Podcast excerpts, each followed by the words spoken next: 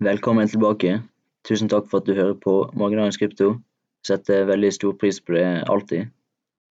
Jeg har ingen gode nyheter å komme med i dag, men jeg har veldig viktige og nyttige ting å komme med. Investorer holder på å flykte til gull, og det med veldig gode grunner. Gull det fungerer som krisemetall, som en forsikring man betegner før skaden inntreffer, men gull kan også brukes til å komme seg gjennom nødsituasjoner og sett ovenfra har det sjelden eksistert så mange grunner til å skaffe seg gull, ikke minst når man ser på inflasjonen. Og det her er jeg helt enig i. Det er sjelden det har vært så mange grunner til å skaffe seg gull. Det er masse usikkerhet i verden nå, og det er masse som kommer til å skje framover. Og USA er på vei til å miste statusen som verdens mektigste land, og vi har krig. Og vi kommer til å få en matkrise snart. Og vi har allerede energikrise, så det er masse som skjer. Og energi det driver økonomien. Vi har òg veldig stor inflasjon. Inflasjonen i USA er offisielt på 8,5% men i virkeligheten er det tallet masse større. Her i artikkelen her står det det som er helt sikkert, er at krigen i Ukraina vil øke inflasjonen ytterligere. Med Russland er en av verdens største leverandører av olje og gass blitt borte, i hvert fall for vestlige land.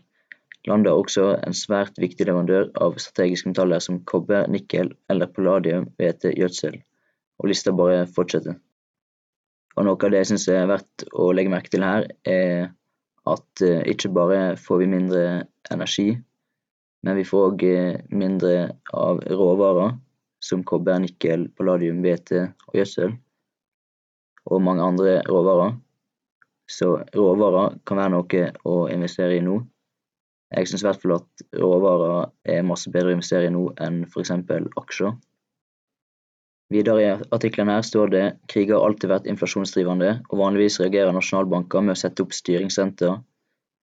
Og eh, når det har blitt gjort tidligere, har ofte resultatet blitt eh, alvorlige resesjoner.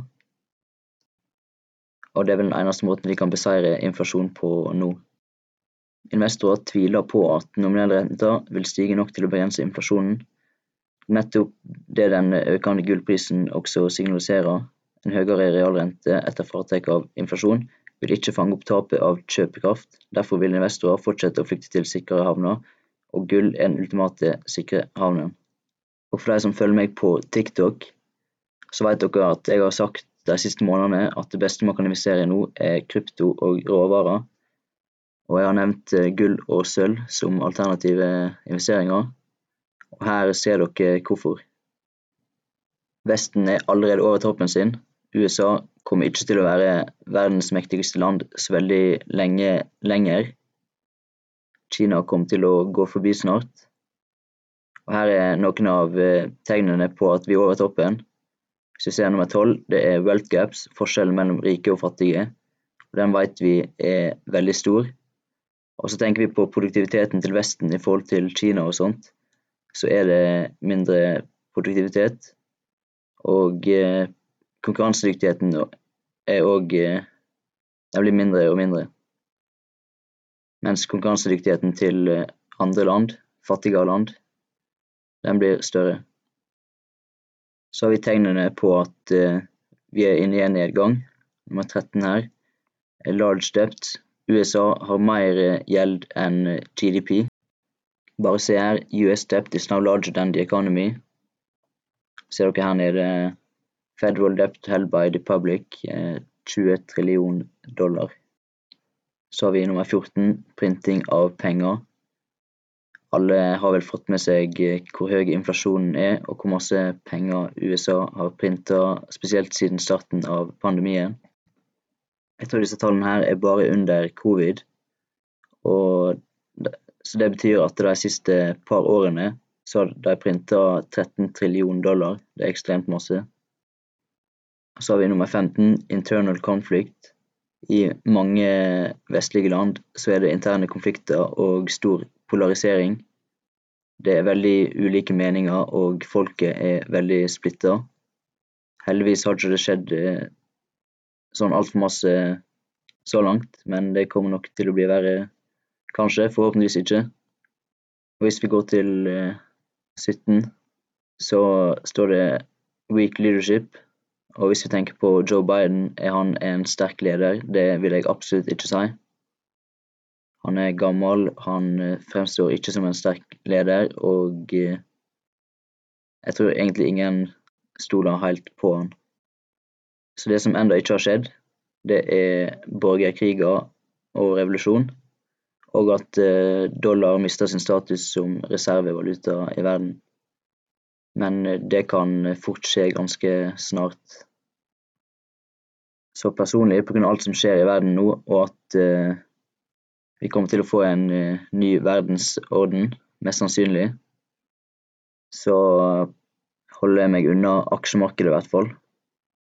Men eh, dere må ikke stole blindt på meg. Jeg er ikke noe makroøkonomisk ekspert eller noe sånt. Jeg prøver bare å finne bevisene på om det skal gå opp, om det skal gå ned, uh, hva som kommer til å skje framover. Jo bedre vi kan forutse framtida, og jeg sier forutse, det betyr ikke å spå, det betyr å gjøre gode antakelser om hva som skjer framover. Jo bedre vi kan være å forutse framtida, jo bedre sjanse har vi til å bli rike. Og det er derfor nesten alle pengene mine er i kryptomarkedet. Det har ikke gått så bra i år, men selvfølgelig så kommer ikke kryptomarkedet til å gå opp hver hele tida. Og dette her kommer til å snu. Og når det snur, kommer det til å bli veldig eksplosivt. Vi kommer til å se altcoins gå opp eh, flere hundre prosent eh, på kanskje én dag, på et par dager.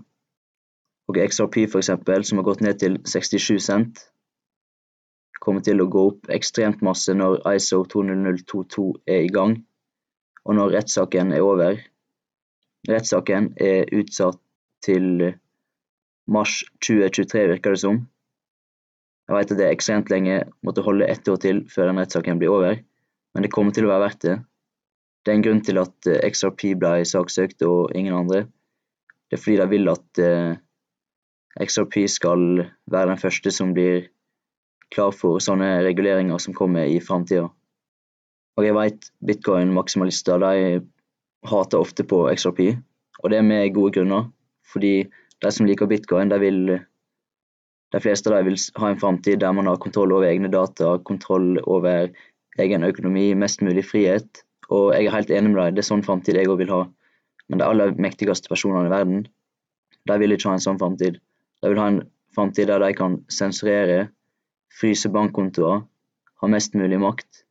Og det er derfor de vil bruke blokkjedeteknologi som XRP, XLM, Quant, Elgorand, Hedera Hashgraph osv.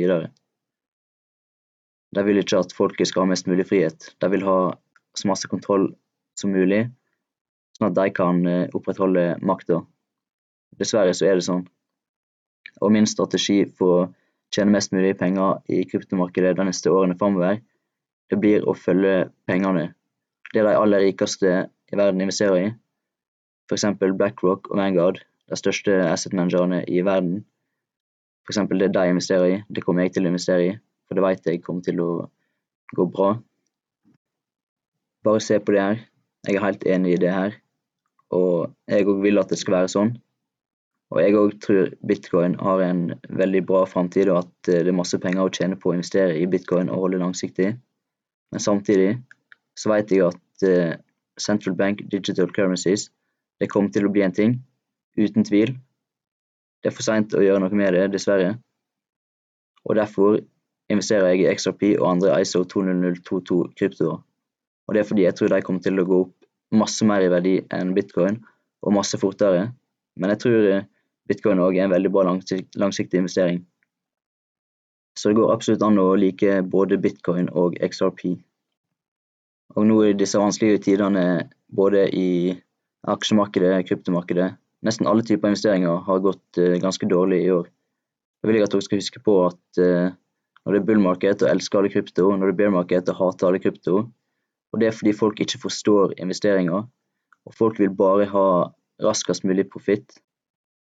Du trenger å være tålmodig for å lykkes i kryptomarkedet. Og hvis du er tålmodig og investerer nå, mens det er veldig masse frykt i markedet, da kommer du til å tjene på det. Det er de som tør å investere nå, uansett om det er masse usikkerhet, uansett om det er ekstrem frykt i markedet. Det er de som kommer til å tjene penger langsiktig. Hvis man er tålmodig i kryptomarkedet, da er det veldig enkelt å tjene penger, men man må tåle å holde kanskje et par år. Man vet aldri hvor lenge det kommer til å gå nedover, men eh, jeg tipper vi kommer til å få en altcoin season snart. Dessverre tok jeg feil, det kom ikke nå i april. Og eh, jeg beklager at jeg tok feil. Jeg har sagt tidligere på YouTube og TikTok at jeg trodde april kom til å bli en bra måned for altcoins. Jeg innrømmer jeg tok feil, og det beklager jeg. Men det kommer til å komme til slutt. Og eh, alle vet egentlig at det er når det er frykt i markedet, da det er best å investere. For det er da det er billig. Men samtidig så er det psykologisk veldig vanskelig for folk å gjøre det. Det er det som er problemet, og det må folk eh, jobbe med. Sterke kryptoinvestorer de holder uansett om markedet krasjer 70 Det er null stress. De vet at det kommer til å gå opp igjen.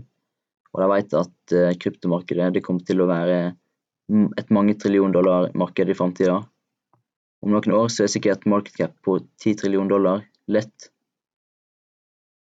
Så folkens, ikke mist trua. Pust dypt inn, pust ut. Vær takknemlig for det dere har.